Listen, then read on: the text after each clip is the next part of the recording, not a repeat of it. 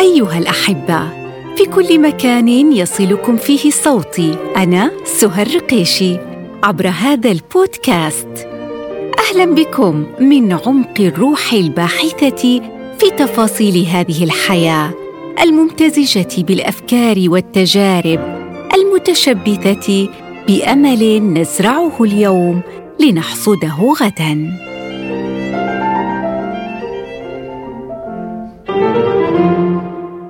عنوان الحلقة يقظه عنوان اليوم يقودنا إلى إحساس مختلف وربما إلى فكرة حية. نعم هو إحساس يجعلنا نشعر بحيواتنا أكثر والا تعبرنا أو نعبرها دون الا نشعر بها مطلقا أو حتى متاخرا جدا. هذه الحياة التي تهبنا الكثير من التفاصيل. يحدث كثيرا ألا نلتفت إليها ولا تلقى منا نظرة عميقة ولا نبادلها شعورا ممتنا.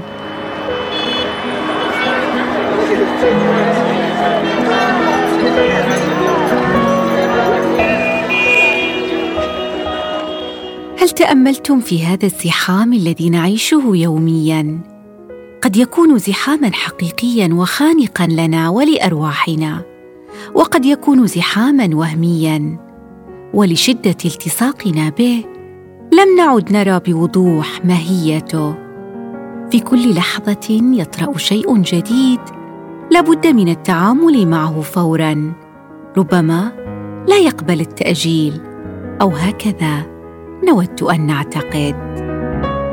في كل مرة هنالك قائمة طويلة من الالتزامات وقائمة أطول من الأعمال والمشروعات التي نرى أن حياتنا لا تكتمل بدونها أو أننا لن نكون سعداء إلا إذا قمنا بها.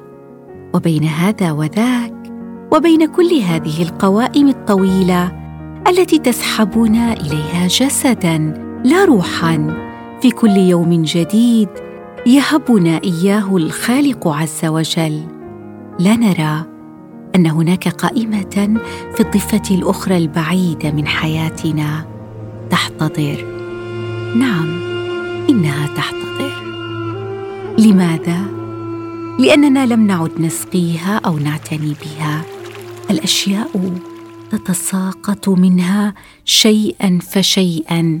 كالاشجار التي تتساقط منها الأوراق في فصل الخريف ولكن الاختلاف كبير بينهما حيث أن الأوراق تتساقط في الخريف لأن الأشجار ترغب في أن تكون يانعة ومزدهرة فتنبت اوراقا جديدة وتعيش دورتها الحياتية كاملة لا نقصان فيها فصلا بفصل تعيشها بكل حب في وقتها لا تقدمها ولا تؤخرها ولا حتى تستعجلها.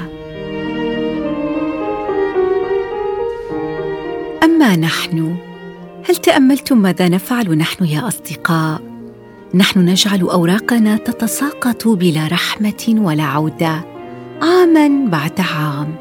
لا نعيش دورة حياتية كاملة بكل ما تعنيه هذه الكلمة من معنى.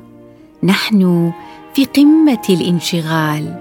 لا وقت لدينا لنضيعه في انتظار أن نمر بكل فصل بهدوء ورويه تأملوا. تلك الأوراق التي تساقطت من قائماتكم.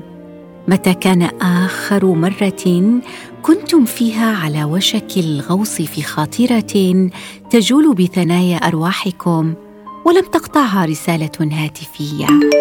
حسنا. ماذا فعلتم حيالها يا ترى؟ هل تتذكرون؟ على الأغلب اخترتم فورا التوجه لتلك الرسالة العابرة بدلا من الإنصات إلى رسالتكم الداخلية. يا ترى كم من المرات كنتم على مائدة الطعام جسدا لا روحا؟ تقومون بوظيفتكم في سد جوعكم لا أكثر ولا أقل. لم تتمتع أعينكم بالنظر إلى شكل الأطباق وألوان ما عليها لأنكم كنتم أكثر انشغالا بالتقاط صورة لن يكون مصيرها إلا إلى سلة المهملات في ذاكرة هواتفكم المدخمه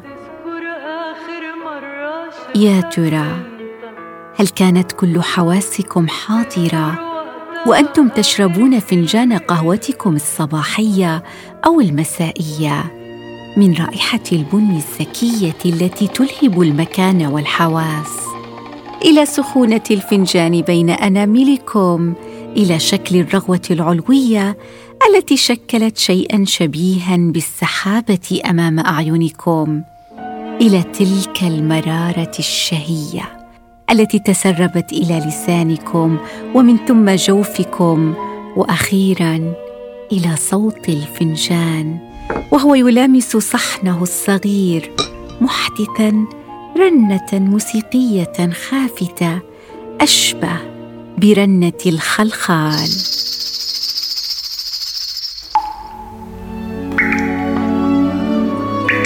هل شعرتم بالماء وهو يتسرب إلى أجسادكم؟ هل شعرتم بتلك القطرات قطرة قطرة بدفئها الجميل أو حتى ببرودتها المنعشة وهي تتساقط بخفة على كل جزء منكم. الماء الذي تحملونه بين كفوفكم فترفعونه إلى وجوهكم. هل شعرتم به حقا؟ حسنا. ماذا عن عطركم المفضل؟ هل ترشونه هكذا عبثا في الهواء وعلى ملابسكم؟ يا ترى هذا العطر الذي أسميتموه مفضلا.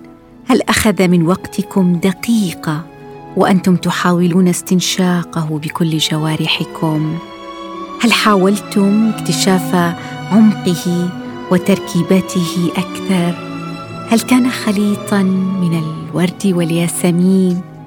هل كان أقرب إلى رائحة اللبان الصافي؟ أم كان شيئا يشبه زهرة الباتشولي ممزوجا بالمسك؟ كل هذا وأكثر. لو فقط تأملنا تلك القائمة التي تتساقط أوراقها شيئا فشيئا دون حتى أن ندرك. هل تأملتم كل هذه الدورة الكاملة؟ هي الدورة الطبيعية التي تشكل وجه الحياة الذي يهبنا الإحساس الكامل بها. نحن نقابلها كمن يشاهد فيلما مملا. فاخترنا أن نقفز على تسلسل الأحداث حتى نصل إلى النهاية سريعا. هل تفاصيل الحياة مملة إلى هذه الدرجة؟ يا ترى هل نريد فعلا أن ننهيها هكذا ونصل إلى المشهد الأخير. أم أننا نفتقر لشيء اسمه يقظة. تلك اليقظة التي تمنحنا القدره على التركيز في أنفسنا وفي محيطنا وفي العالم. تمنحنا القدرة على توجيه دفة الاهتمام والعناية بتفاصيلنا الصغيرة. اليقظة التي تجعلنا نشعر بأننا نعيش اللحظة بكل جوارحنا وأن هذه اللحظة لا تمر من أمامنا ونحن في مكان آخر دون أن نعي ذلك. اذا ما هو سر هذه اليقظة التي تبدو وكأنها مصباح علاء الدين السحري الذي يمنحنا حضورا استثنائيا في حياتنا التي نعيشها. يعرف مارك ويليامز بروفيسور في علم النفس السريري في مركز أوكسفورد mindfulness معنى اليقظة بأنها معرفة ما الذي يحدث داخل أنفسنا وخارجها بشكل مباشر لحظة بلحظة. ويقول إن اليقظة هي الترياق للرؤية النفقية التي قد تنشأ في حياتنا اليوم. وخصوصا عندما نكون مشغولين أو تحت ضغط نفسي أو متعبين. وإنه من السهل أن نتوقف عن ملاحظة العالم من حولنا. كما أنه من السهل فقدان الاتصال بالطريقة التي تشعر بها أجسامنا. وأن ننتهي بالعيش في رؤوسنا منحصرين بأفكارنا من دون التوقف لملاحظة كيف تقوم هذه الأفكار بقيادة مشاعرنا وسلوكياتنا. اذا كيف يمكن لليقظة أن تساعدنا؟ إن زيادة اليقظة للحظة الحالية تساعدنا على الاستمتاع بالعالم من حولنا بشكل أكبر وفهم أنفسنا بشكل أفضل حسب ما يقول البروفيسور ويليامز عندما نصبح أكثر يقظة للحظة الحالية نبدأ من جديد بتجربة العديد من الأمور في العالم من حولنا وكنا نعدها امرا مفروغا منه.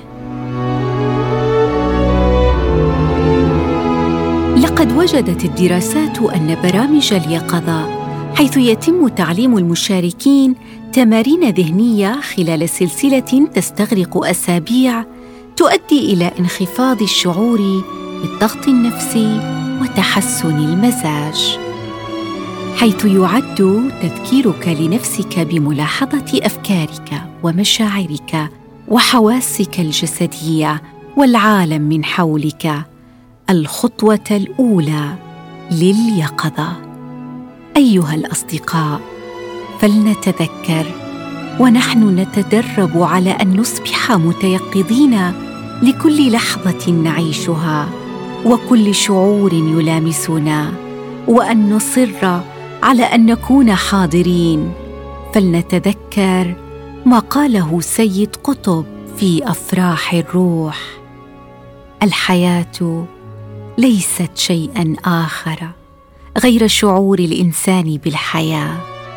جرد أي إنسان من الشعور بحياته تجرده من الحياة ذاتها في معناها الحقيقي.